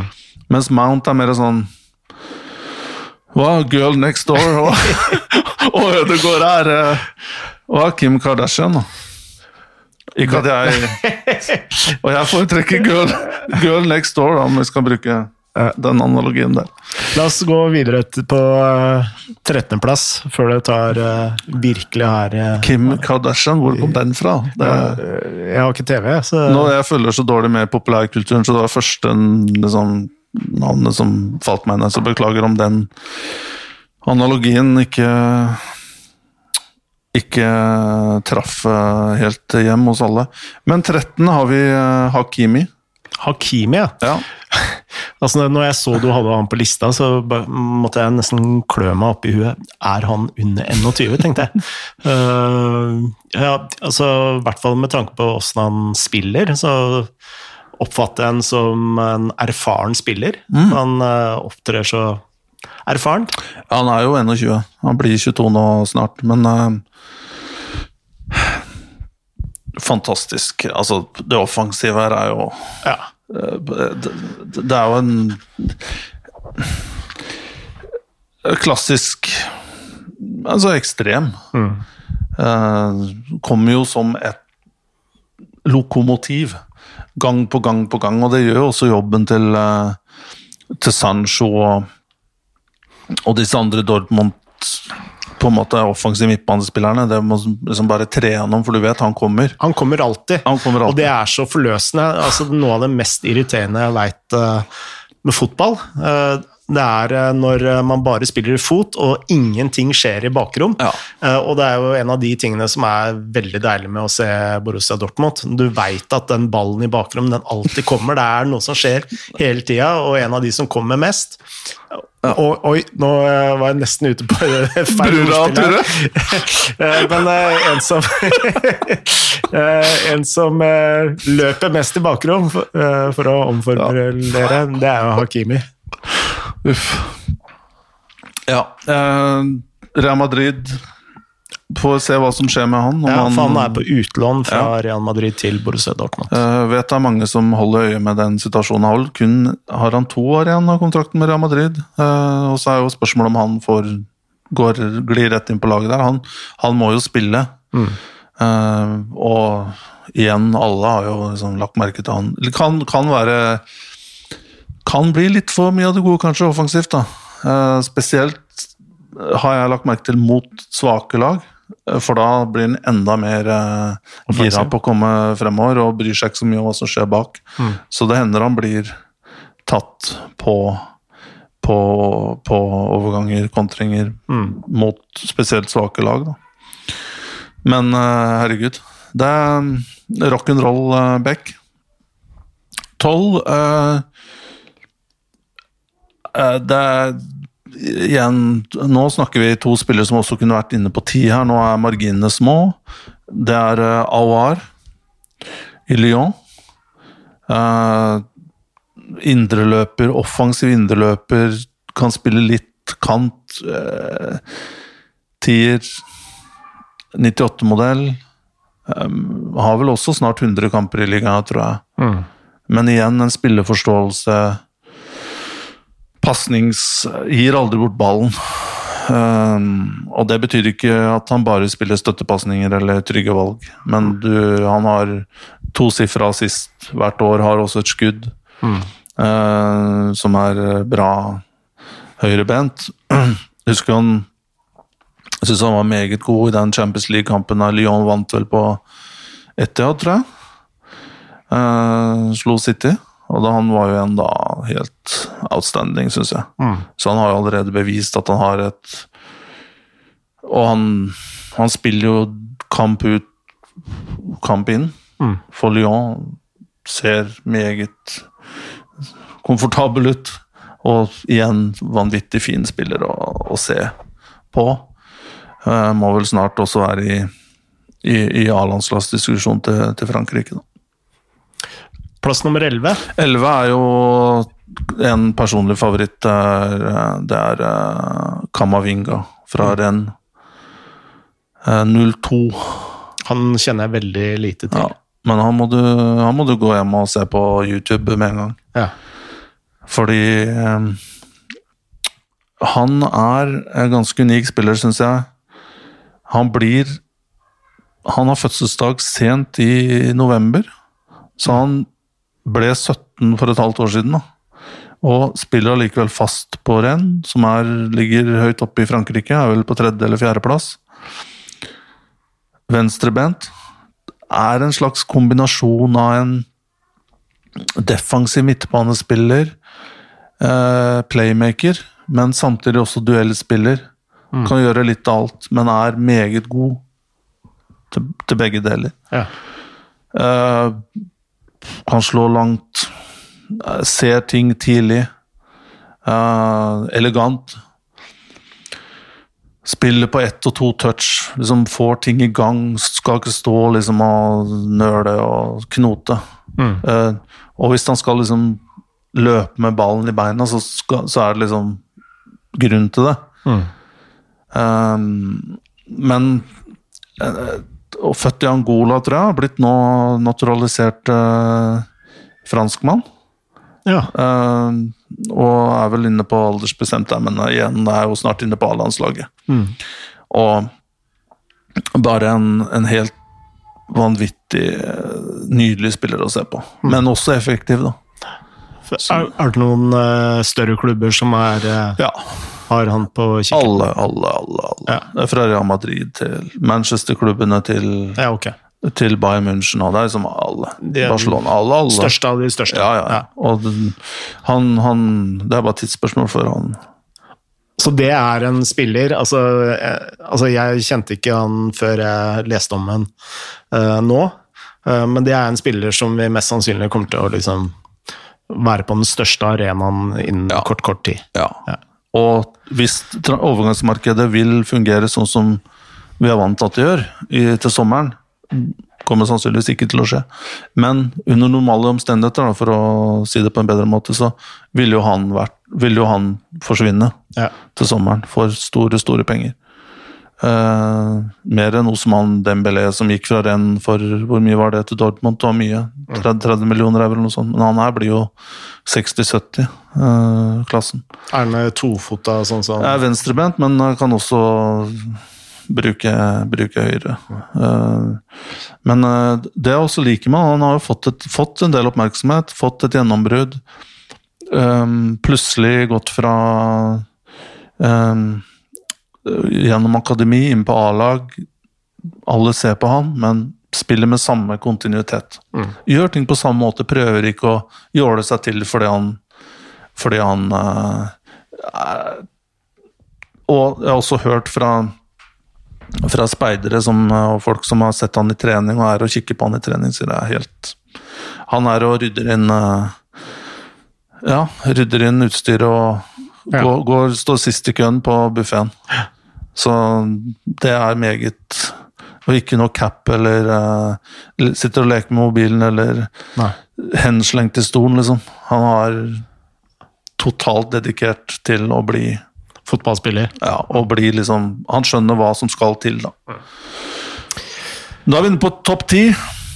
Um, Joao Felix gikk fra Benfica til Atletico Madrid. Oppsiktsvekkende overgang i fjor. 128 millioner euro, var det vel? Ja. Verdens nest dyreste, tror jeg. Teenager etter Mbappé. ja. Um, har jo ikke levd opp til den prisen. Um, men jeg fikk også spørsmålet ville du ha, liksom, hvis du er trener, hvis du er Simone, hva ville du sagt? Men det eneste jeg ville sagt, ville at jeg vil ha spilleren. Um, og så er spørsmålet er han en Simeone-spiller, da? Ja, for det skriver du også om i, i artikkelen, at uh, spranget fra Benfica til Atletico Madrid altså Du finner nesten ikke et større sprang, eh, i hvert fall fra et sånn taktisk ståsted. Nei. Ja. Nei, det er helt riktig. Jeg hadde nok passa bedre i eh, å si Barcelona. Um, men um, igjen, her er det jo Jeg syns det er tungt å Han har vist takter da, i Atletico Madrid, og du ser jo igjen uh, Øverste nivå her er ekstremt høyt. Mm. vanvittig vakkert å se, se han spille fotball. Er så kreativ og eh, god med ballen og liksom kan gjøre så mange ting. Løse situasjoner kjapt, instinktivt. Vet sikkert ikke helt hva han holder på med sjøl, men kommer seg ut av det og forbi. Eh, og så er det vel uh, sikkert noe med det presspillet og alle disse her uh, postulatene til Simione som han må bruke litt tid på. Ja, og så inn. Innsalget var vel sikkert at han skulle bli den nye Griezmann. Ja. Og, men eh, altså, det er jo masse ting som spiller inn her. Altså, treningsregime i Atletico Madrid er jo ikke Eller etter det hva jeg tror, da, er vel strengt tatt ikke det samme som i Benfica. Eh, det krever mer, plutselig er du stiv og støl på, på, på kamp nummer to i, i uka. Og? Det er masse ting som spiller inn her. Så Men han, eh, de har jo sammenligna med Cristiano Ronaldo, men det er jo en, den skjønner jeg ikke, den sammenligningen. For det. Cristiano er mer fart og power og hurtig, liksom. Han har jo en kropp som Ja. men, men han her er jo mye mer Litt mer omstendelig, selv om han også kommer seg ut av ting. Men han er jo mye mer sånn futsalaktig spiller, da. Veit du hvem uh, Altså, en spiller jeg mener han min, minner meg mest om? Kjør på. Aymar. Ja. Ja, i hvert fall håret og det. Aymar var kanskje enda mer omstendelig, og skal ha ballen dypt, veldig dypt. Og, Ja, men, ja. men jeg ser eh, du er inne på noe der. Ja. Ja, absolutt. Det er jo også favorittspilleren til Messi. Å ja. ja. Det er jo greit å være. Skal vi gå videre? Nå har vi passert eh, timen her. Ja. Vi er på godeste mm, Ni. Valverde i Real Madrid. Ja. Også en personlig favoritt. Og når vi snakker om midtbane, midtbanespiller og Ødegaard, og så, da er vi litt sånn inne på at eh, det er, er kanskje mer forståelig at uh, Ødegaard er på en 23.-plass enn eh, når du setter han opp mot eh, spillere som Valverde. Ja. Um, og igjen eh, Valverde har jo kommet litt sånn under radaren, da. Eh, Kommet gjennom litt på samme måte som Ødegaard. Gjennom uh, Castilla-systemet der, og han var vel på lån i fjor i i Var det Deportivo La Coronia, eller et eller annet? Deportivo Ja. rykka vel ned. Ja. Uh, og fikk uh, Og det, det var nok en nyttig erfaring for han, da. Um, men uh, jeg liker han veldig godt, for han er en litt tilbake, litt sånn Kulosevskij igjen. Da. At han har liksom indreløperkvaliteter. Mm. Og trenger ikke, selv om han liker også ballen i beina og skal er veldig gira på å slå spille framover. Um, og noen ganger så blir han litt utålmodig. Mm. Syns jeg mister ballen og uh, slår feilpasninger fordi han Fordi bevegelsen er ikke der, eller han spiller liksom Dynamikken i spillet forutsier at han skal spille en støttepasning og starte om igjen. Mm. Men han skal liksom hele tida ha han fram. Um, men han har jo fysikken, og til å være så stor relativt sett, så er han også kjapp. Så når han plukker opp en ball da, dypt i banen og legger ut på sprang, så kommer han, liksom kommer han av gårde. Fort opp i tempoet. Ja, og det er vanskelig å stoppe han. Han er robust og ehm, har veldig godt range av pasninger, syns jeg. Kan slå langt, kort, middel Uh, Meget komfortabel med ballen. Skuddfot begynner, å, begynner vi å se. Men enda mer, da, og en av grunnene til at jeg liker han så godt, er at han har uruguayanske forbo, den derre eh, gniende tankesettet. Mm. Og så jo den der supercup-finalen i som gikk i Saudi-Arabia, hvor han hvor han eh, ble utvist da, eh, i ekstraomganger. Whatever it takes. Litt sånn Luaris Han kunne spilt på Uruguay i 1986. Ja, eller i den eh, semifinalen mot eh, Eller var det kvartfinalen mot Ghana? Luis Suárez som Ja. Hanser, liksom Det derre mindset uruguayanere, det, det har han. Mm. Og han jobber hardt, og han, han er villig til å gjøre det, alt som kreves for å vinne kamper. Mm. Og det må du ha, hvis du skal lykkes i Real Madrid. Og det er nok kanskje en sånn Har Ødegaard det? Og igjen, dette er, det, det skal ikke bli et show hvor liksom bare påpeke svakhetene til Ødegaard, men det kommer jo til å bli kanskje noen de tilbakemeldingene du får, da. Så da har vi i hvert fall rettferdiggjort, ut fra i hvert fall mitt hode, hvorfor. Skal vi gå videre til eh, plass nummer åtte? Nummer åtte er en spiller vi kjenner godt eh, her i Norge, og blitt godt kjent hos Europa med, med godeste mm, Haaland. Mm. Eh, Erling Braut Haaland um, Ja, hva skal man si? Jeg har tenkt litt sånn um, Han skal ikke noe lenger ned på lista, syns jeg. Uh, ut fra det han har gjort i 2019, som, og Eller siste kalenderåret, da Mm. har vært sensasjonelt. Um, han har utvikla seg som spiller, gått fra Salzburg, hvor man har tenkt ja, det er bare Salzburg. Um, han har gått fra det U20-VM, skåret ni mål. Ja, den kampen var fiksa, det var bare Honduras. Vi vet ikke om den kampen var fiksa. Og et, en, hvis den kampen ikke var fiksa, så er det noe av det mest ekstreme noen har gjort mm. i, i moderne fotball. Ehm, selv da han spilte på tampen her i Norge, så så vi at han var Han var eh, enorm. Mm. Eh, og han har utvikla seg eh, måned for måned omtrent. Han har tatt med seg den Jeg har også skrevet en lang sak for ISBN om Haaland, og ingen av lytterne trenger noe, liksom, noe leksjon fra meg om han. Og dere kjenner Kjære lyttere, dere kjenner han like godt som det jeg gjør. Men jeg, jeg synes det er eh, øh, fantastisk at han, øh, at han er så høyt oppe. De jeg har konsultert, har noen ville hatt han noen plasser lenger opp, faktisk. Nå snakker jeg utlendinger. Og noen hadde han nede sånn på mellom øh, 13 og 15. Så jeg tror uh, han skal ligge rundt der, på åttende. Ja.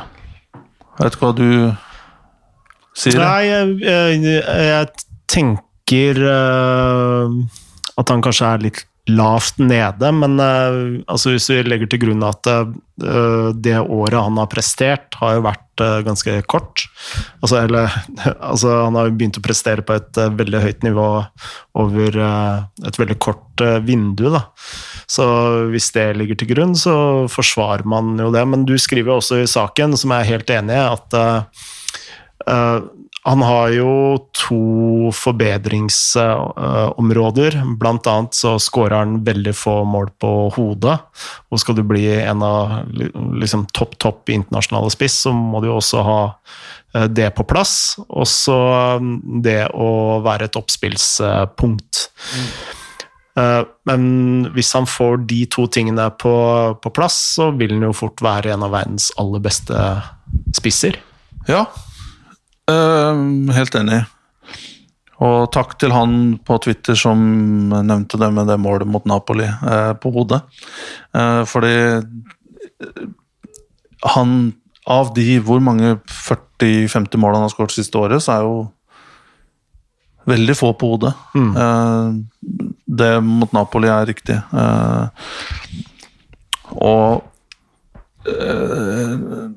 og jeg husker jeg også snakka med Da jeg var i Start, så Mark Dempsey var jo trener i en, i en periode der, og han jobba jo som assistent trener slash hovedtrener i Molde og jobba også, sto igjen mye da med Haaland. Og Mark fortalte jo om hvor ærgjerrig Haaland var. Liksom, Dedikert. ja. Ja. Og han sto igjen, men ikke bare sånn symbolsk stå igjen etter trening. Liksom, han skulle bli bedre til å avslutte, han skulle bli bedre på de og de tingene. Ja. Og Mark liksom sto og slo innlegg, da. Så han og, og Mark er jo Mark følger jo godt med, og han vet jo hva fra Manchester United hvor benchmarken ligger. Og hva som skal til for å bli best. Og jeg fikk i hvert fall inntrykk ut fra det Mark fortalte om Braut Haaland, at liksom den der application han hadde til trening og mentalitet, var helt enorm. Mm. Og så eh, Ja, vi har to, to nordmenn blant eh, 25 her. Eh, vi har eh, Det er Og ikke blant et ordinært felt, da. Mm. Så Og jeg, jeg er også enig. Det, det eneste som jeg har en sånn derre mm, sak med Haaland, er sånn jeg har lyst til å se som også mange scouts da, har poengtert at han, liksom- han har tatt med seg den. Han, han spiller fortsatt som han er en tenåring, da, og får betalt for det. Ja.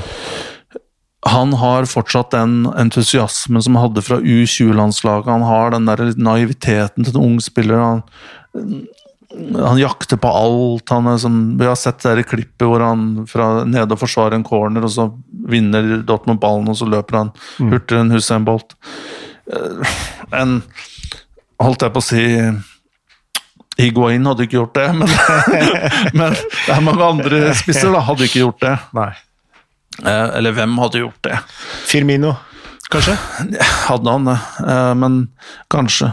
Men det at han bare gjør det, er litt sånn sprøtt, da. Ja. Og han spiller med en ungdommelig entusiasme som du lurer litt på Hva skjer når den blir borte? Ironisk nok. Mm.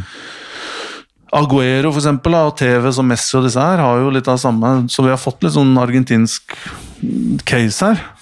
og- Som har klart liksom å ta, ta med seg den derre street-fotballmentaliteten videre opp i karrieren og blitt, blitt, blitt gode. Rooney, da, tilsvarende. Mm. Altså, Jeg kjenner jo deg godt eh, etter hvert, og et ord du eh, ofte nevner, det er jo presence. Og har er det det. noe Haaland har, så er det i, i eh, bøttevis så er det presence. Og bare det at eh, Neymar og Mbappé og PSG og, og prøver å gjøre narr av han, det forteller ja. fa- Altså, han har jo til og med presence uh, inni hodet til noen av verdens største spillere, liksom.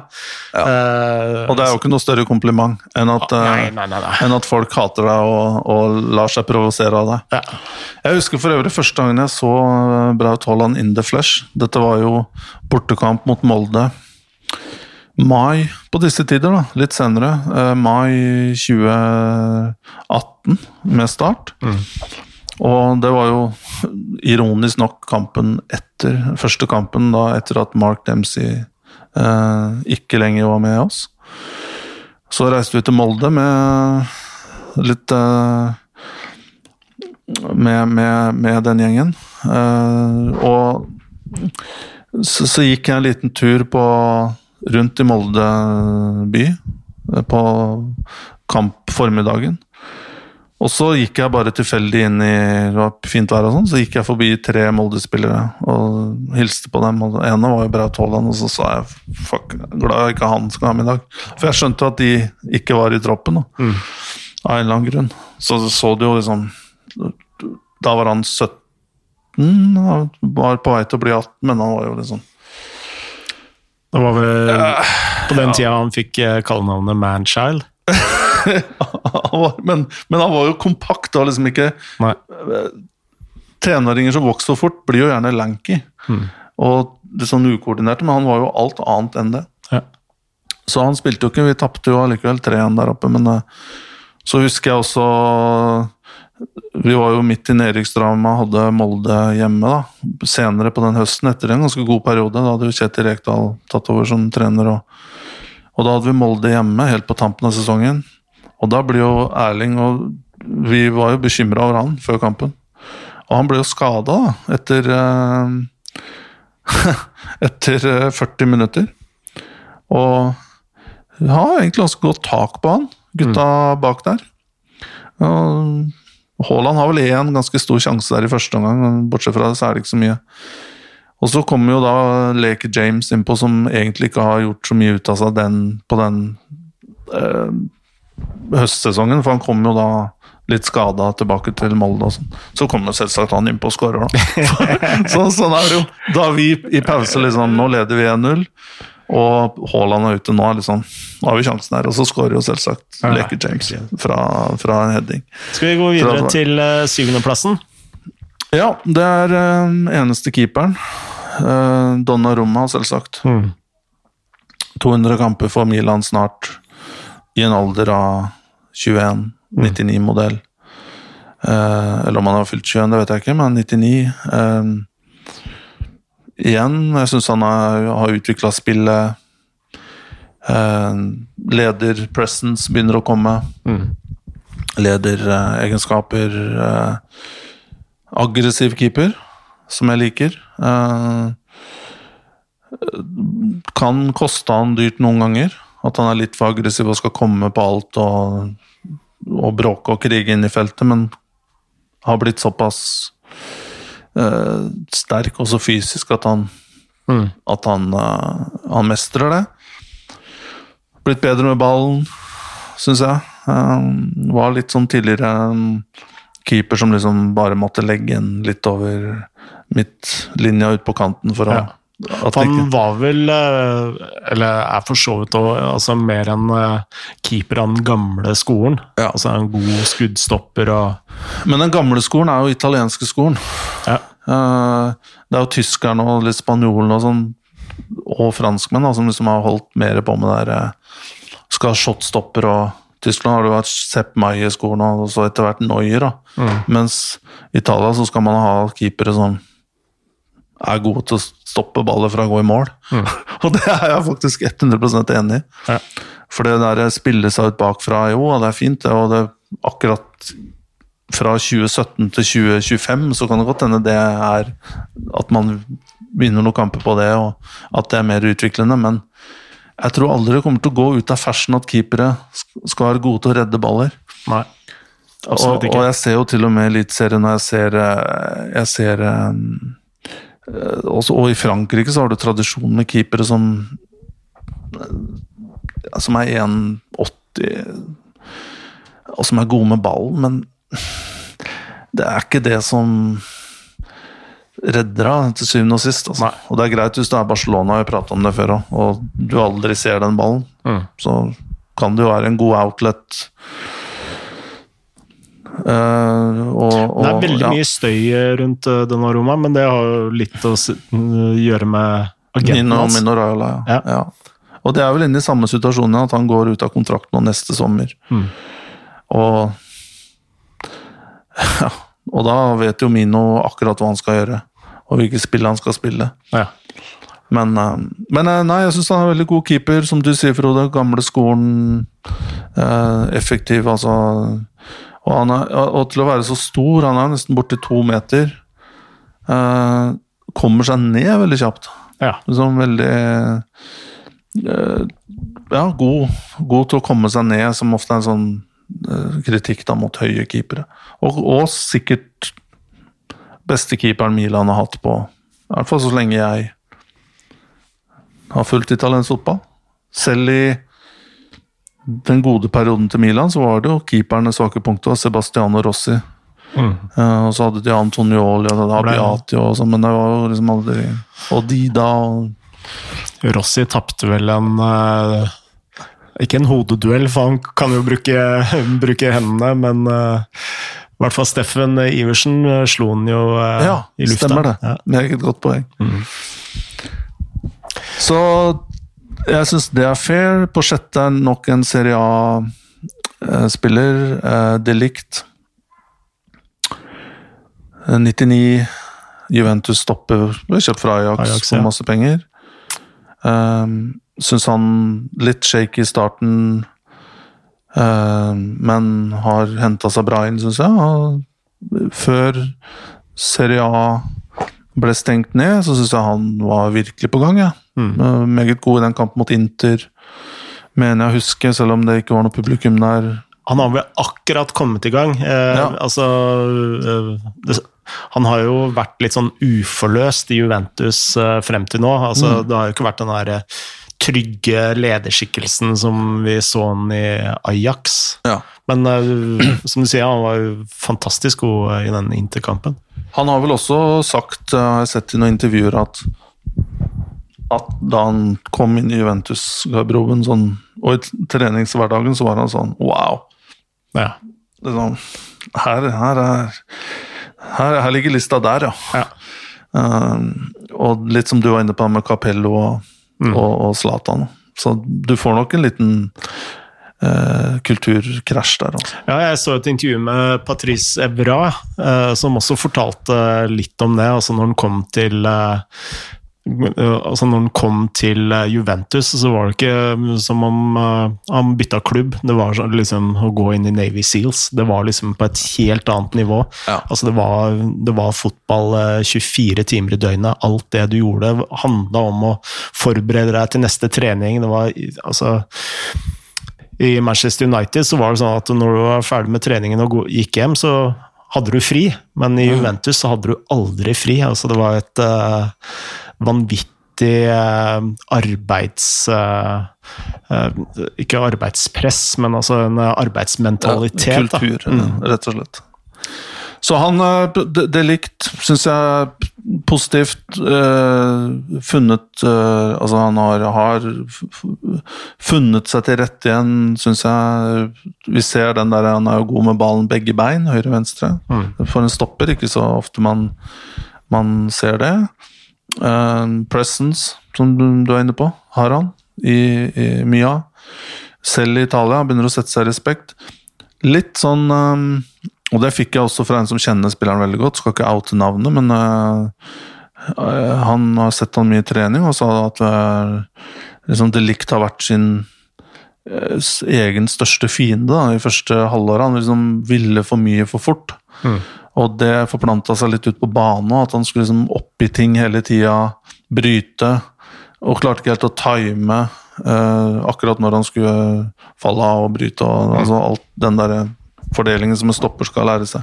Men han ble veldig ivrig, da, skulle opp i ting og vise seg fram. Og, Ehm, og, men nå har han kommet, eh, kommet mer inn i det, så jeg syns det, eh, det er fair. Vi går videre til femte, Frode. Ja. Og da har vi en eh, litt sånn Kanskje eh, Ja, jeg får, jeg får lage en strek over han nå. Sånn med denne fine tusjen min. For det er en spiller som jeg som jeg syns er eh, helt fantastisk å se på. Og det er Kai Havertz ja. fra Bayer Leverkosen som Ja, hvor skal vi starte? Uh, igjen 99-modell, offensiv midtbanespiller. Uh, venstrebent. Starter ofte litt ut til høyre for å, liksom, for å bli playmaker. Litt kutte inn og bli playmaker. Det er, sånn er det jo i dag at playmakere de finner jo mest rom på kantene i dag. Og da har du jo mest den der innoverkant-greia skulle vel i utgangspunktet handle mest om å komme på avslutning på godfoten. Mm. Istedenfor innlegg for det bekkenet tok seg den oppgaven, og, og så hadde statsgutta regna på at at hvor mye fikk du ut av en offensiv kant som slo innlegg uansett? Mm. hvor, hvor mye sjanse fikk du ut av de innleggene? Men, og da regna man fram at du fikk mer brudd imot. Eh, men nå har vel den innoverkant-greia blitt mer en sånn sak for at playmaker-typer skal finne rom. da. At de må ut og plukke der det er lite folk på kant, og så komme inn på godfot og, og tre gjennom, eller starte trekk derfra. Og det er jo det Havels gjør fra høyre. Men han gjør det med sånn stil og Ro. ro, ja. Han er så elegant. ja Jeg må jo si han er jo av de yngre spillerne, så er det en av mine absolutt eh, favoritter. ja, han er uh, Og jeg får litt sånn Det jeg syns er rart med han, det er måten han liksom kommer seg forbi spillere på. Han, han har den der touchen igjen, den som veldig få har, at han kan legge liksom ballen der han vil fra fra touch, for, å, for at motstanderen ikke Litt for å lokke motstanderen. Uh, litt som Messi holdt på, da, men at lokker inn motstanderen, og når han kommer, så bare stikker han. ja, Og det er en mann på 1,86, altså. Det er noe annet når Messi gjør det. For det Han øh, gjør Altså, en ting han gjør ofte, det er å finte med mottaket sitt. Ja. Uh, altså Du later som du går til høyre side hvis du har en uh, motspiller i, i ryggen, da. og så vender du Altså Du tar ikke noe sånn hælpasning, på en måte, men ballen går bare på andre sida når du tror den går til motsatt side igjen. Da. Og det er utrolig effektivt. litt sånn kreativt, og, men veldig enkelt Mm. og effektivt. Så Han, han er noe for seg sjøl. Han har blitt sammenligna med 100 forskjellige typer. eh, men han er jo ingen av dem.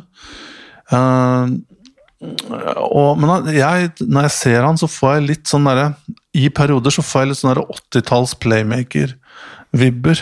Litt sånn Bernt Schuster. eh,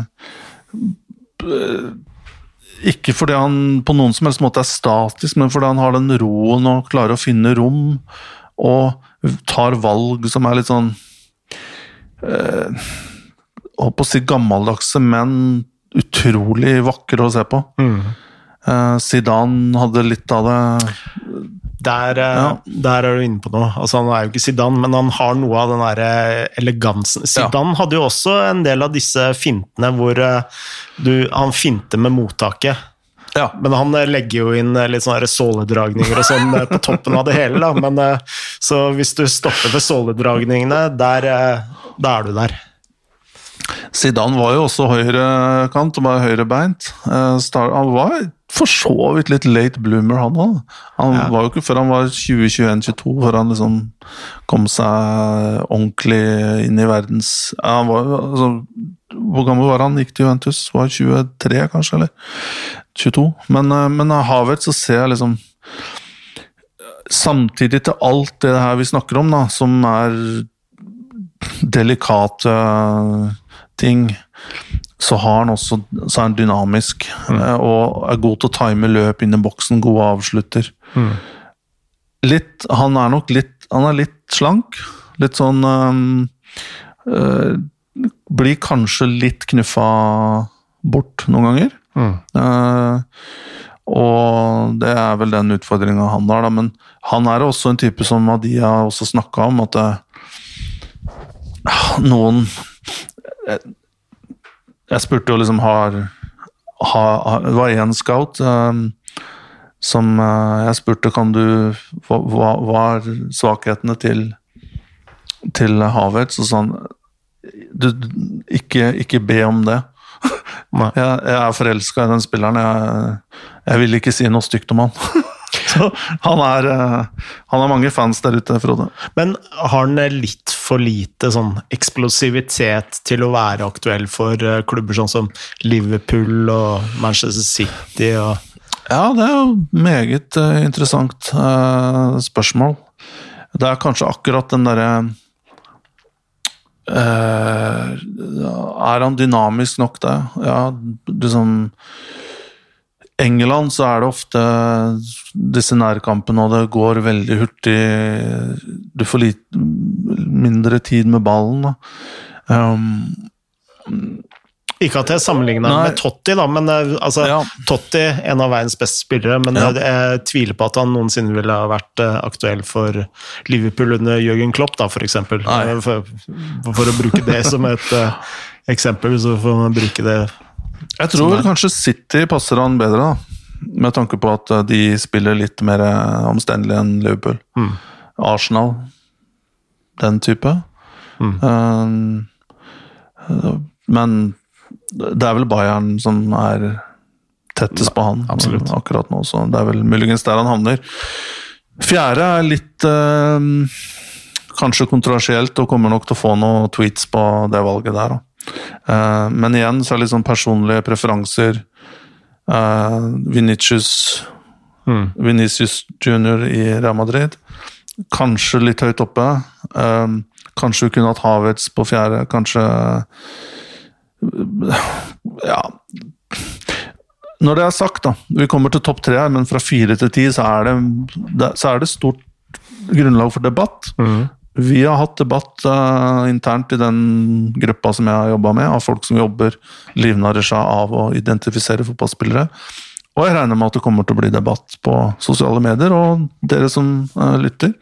Det som er litt gøy òg. Selvsagt, og det, det, er jo ingen som sitter med noe fasit der. Og det er absolutt så syns jeg, da, at noe av sjarmen, eller 80% av sjarmen med den type lister, er at, at, det ligger litt bias der. Mm. Og et personlig eh, Personlige preferanser. For hvis ikke, så kan man jo bare spørre disse stats-gutta. Kan dere lage 50 beste spillerne basert på disse? Mm. Men er det noe gøy, da? Jeg ja. syns ikke det. Men Vinicius Junior, jeg syns han eh, jeg syns han er i ferd med å vise hva som skal til for å bli en eh, Real Madrid-spiller. Mm. Uh, og det at han har kriga seg inn til å bli fast på det laget, som han er i ferd med å gjøre nå uh, Fikk starte i uh, Classico. Uh, Skårte. Han burde kanskje ha heller sentra. Ja. men, men Og han var helt unfaced av anledningen i den kampen. Syns han var en av de bedre på banen. Mm. Har lært seg å spiller med mer kontinuitet, da, mens Rodrigo, sammenligner, de er like gamle, kom, og kommer Rodrigo året etter. Uh, Vinicius har vel hatt litt lengre tid da, i Real Madrid, men hvis du sammenligner de to, litt samme rollene. Uh, Vinicius er venstrebent, Rodrigo høyrebent, men Vinicius er liksom Du får mer Du får flere seks av ti, da, sju av ti, enn bare åtte og fire. Mm. Så, ja, vi, altså, jeg, skal ikke påberope meg at jeg kjenner noen av dem personlig, men uh, Venicius eh, virker uh, som han er mer voksen som person. Mm -hmm. uh, mer uh, sånn mentalt til stede. ja.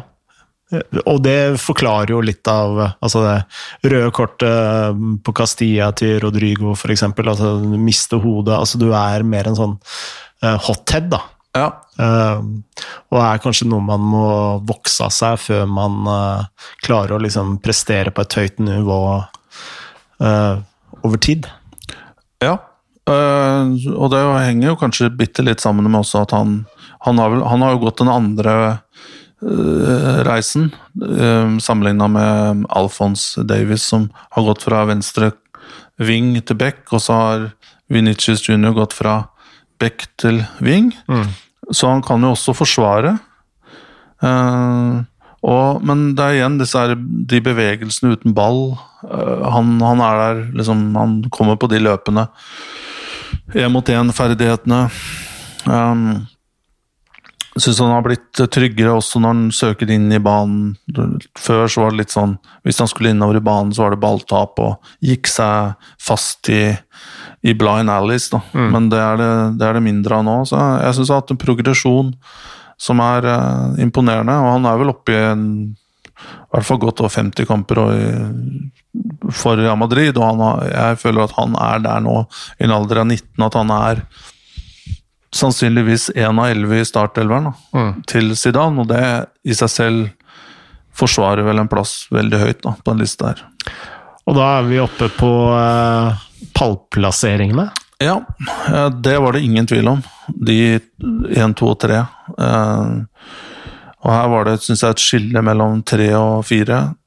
Eh, jeg har Trent Alexander Arnold på tredje. Ja. 99 Liverpool høyreback slash playmaker. Har vel kanskje fotballens aller beste innlegg akkurat nå. Ja, eh, og jeg, jeg skrev også om det i saken nå. Det har vært litt debatt i Chivadze-feeden om han. Mm.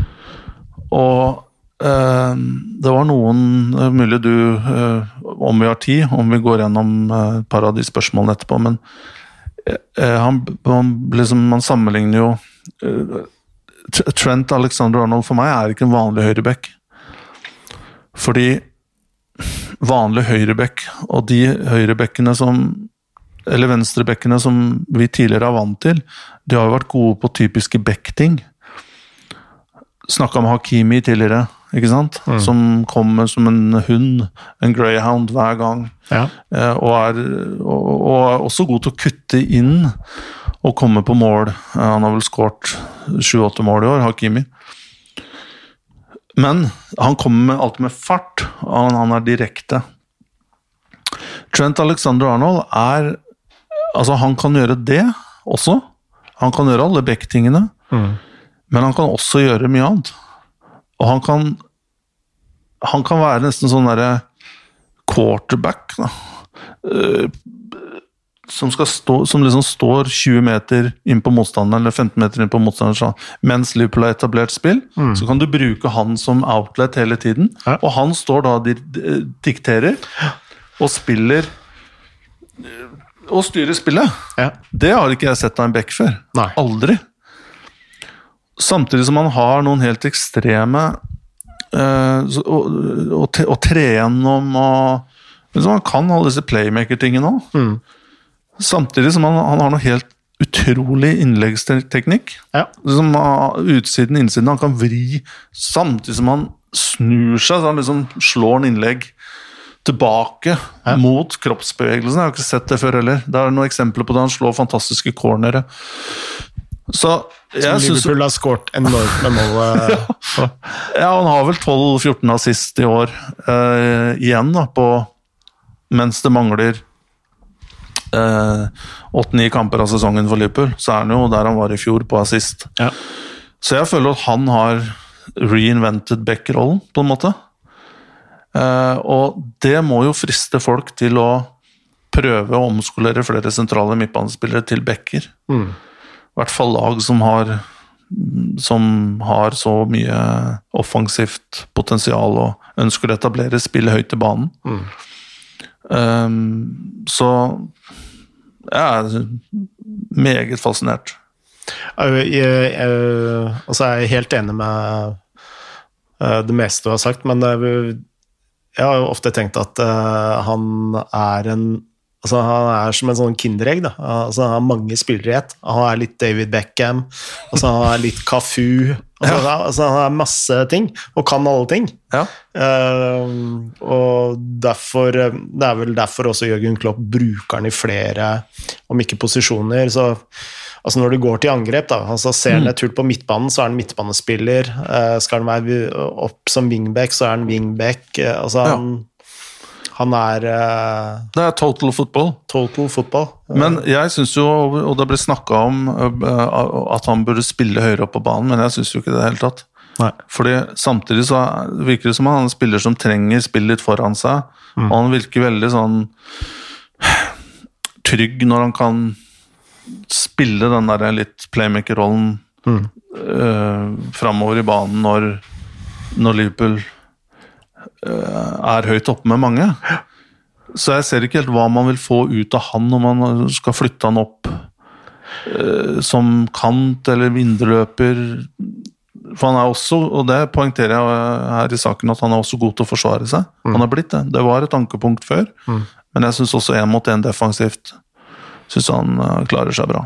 Jeg diskuterte med noen eh, venner for eh, en god stund siden om hvis eh, Pep Guardiola skulle plukke ut én spiller fra Liverpool inn på sitt eget lag, så er jo liksom Det åpenbare svaret er jo van Dijk, fordi de har forsvars... eh, Ja. Men jeg tror eh, hvis Pep Guardiola skulle velge med hjertet, så hadde det vært uh, Trent. Mm. Uh, hvis det gir, med, Ja, absolutt. mening. Ja. absolutt. Skal vi gå videre Ja. til uh, sølvplass? Nummer to har vi Jaden Sancho. Um, igjen, tallene taler jo sitt. Eh, jeg har ikke sett på mål og assist. eh, jeg har ikke det foran meg, men det er jo dypt inn i tosifra på begge deler. Og ja, hva skal du si, da? Um,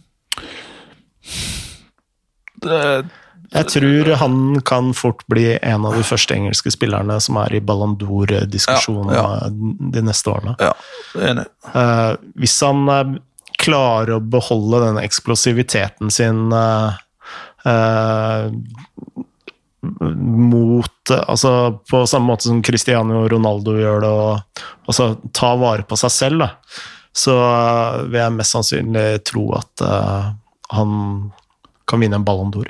Ja, jeg er enig. Og jeg ser jo ting fra Ser jo ting fra en engelsk, eh, ung engelsk spiller her som Som eh, jeg ikke har sett på på mange, mange år. Mm. Det han har så mange ting til sitt game. Han er så utrolig instinktiv, kreativ. Elsker den derre kutt... Elsker å operere både på høyre og venstre kant, komme inn sånn halvposisjon, og så bare bevegelsene da kommer foran, så kommer det en stikker. Mm. Og det spillet som Dortmund holder på med, eh, er jo helt optimalt for han òg. Uh, og det vil jo og, og, han, han, vil jo også klare seg bra i engelsk fotball, for det, det er jo fart og spill i lengderetning og, og, sånn som han liker. Ikke drive og langt ned og hente og omstendelig og bruke tid på ting. Han, han, han, det skal skje fort. Han er litt sånn vanskelig å lese, og vi har jo diskutert uh, ofte dette med chilenske gatefotballspillere kontra akademispillere fra Tyskland f.eks. Men uh, Jaden Sancho altså han kommer fra Syd-London, og har, altså du ser han har vært mye i ballbingen. Uh, så han har en del av de gatefotballgreiene ja. gjennom akademi til City, hvor han har fått en god fotballutdannelse, og så har han liksom bare blomstra i, i Borussia Dortmund. Så han har liksom uh, flere aspekter til spillet sitt da, enn ja. en, uh, veldig mange andre. Um, ja, jeg er enig med deg. Jeg, jeg, jeg, tror hvis noen klarer å lure han vekk fra Dortmund så, Det er utrolig at City lot han gå. Uh, de, de, jeg har jo én City-spiller inne på 50, og det er jo Foden. Mm. Som for meg er sånn der Hva kan han egentlig er, Ser han så bra ut fordi han spiller med så gode spillere. Mm. Og hvis man har brukt alle disse liksom, milliardene, holdt jeg på å si, da, millionene på akademiet til City, og så lar du den ene som kan bli i verdensklasse, mm. slippe unna, så er det liksom Ja, da har man kanskje ikke prioritert det riktig her. Men det har vært interessant å høre hvordan, det, hvordan de rata han i City og hva de gjorde på en måte ikke, Hvor langt de gikk for å beholde han. Mm. Eller om det var en de tenkte at nei, han her blir det ikke noe. For alt vi vet, så kan det jo være at de ikke ville være i City ja. i det hele tatt. Men uh, man skulle jo tro at City kunne gjort et eller annet uh, Noe som gjorde at han ville bli. Da. At han fikk handla det om at han ikke fikk trene med A-laget innhopp her og der. Altså hvis, du, hvis, du, ser et så stort talent, så må du jo gå den ekstra mila. Men, men, som sagt, jeg kan ikke noe om det her. Men vi kan jo bruke veldig veldig kort tid på nummer én, det og Mbappe. Ja.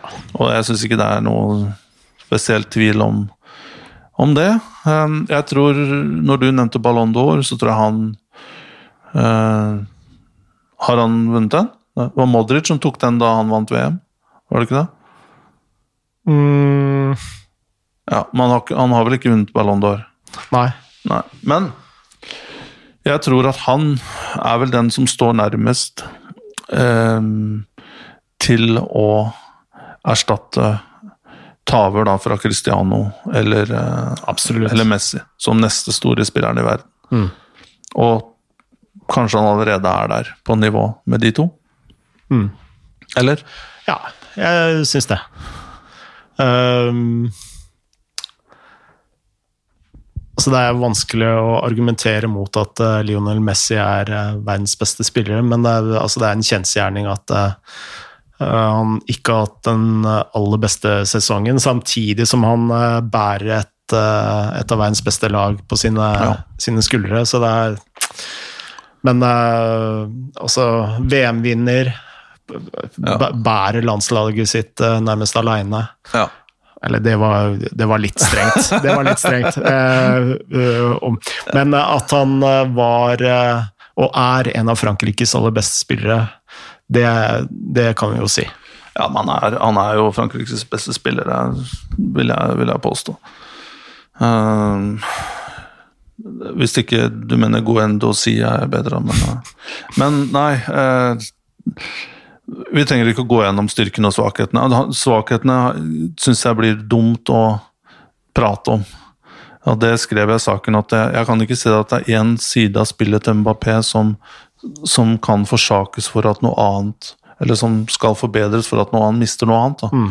Det er jo ikke på en måte en eh, robot som skal bli 100, av, eh, 100 på alt. Det går jo ikke. Nei.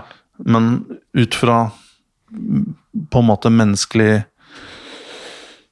kapasitet, og det han kan gjøre ut fra den skrotten han har blitt utdelt, så syns jeg han blir det tåpelig å sitte og pirke på ting som han Ja. eventuelt ikke Men jeg, jeg, jeg tror at eh, hvis han skal vinne Ballon d'Or, så bør han eh, bytte klubb. Ja.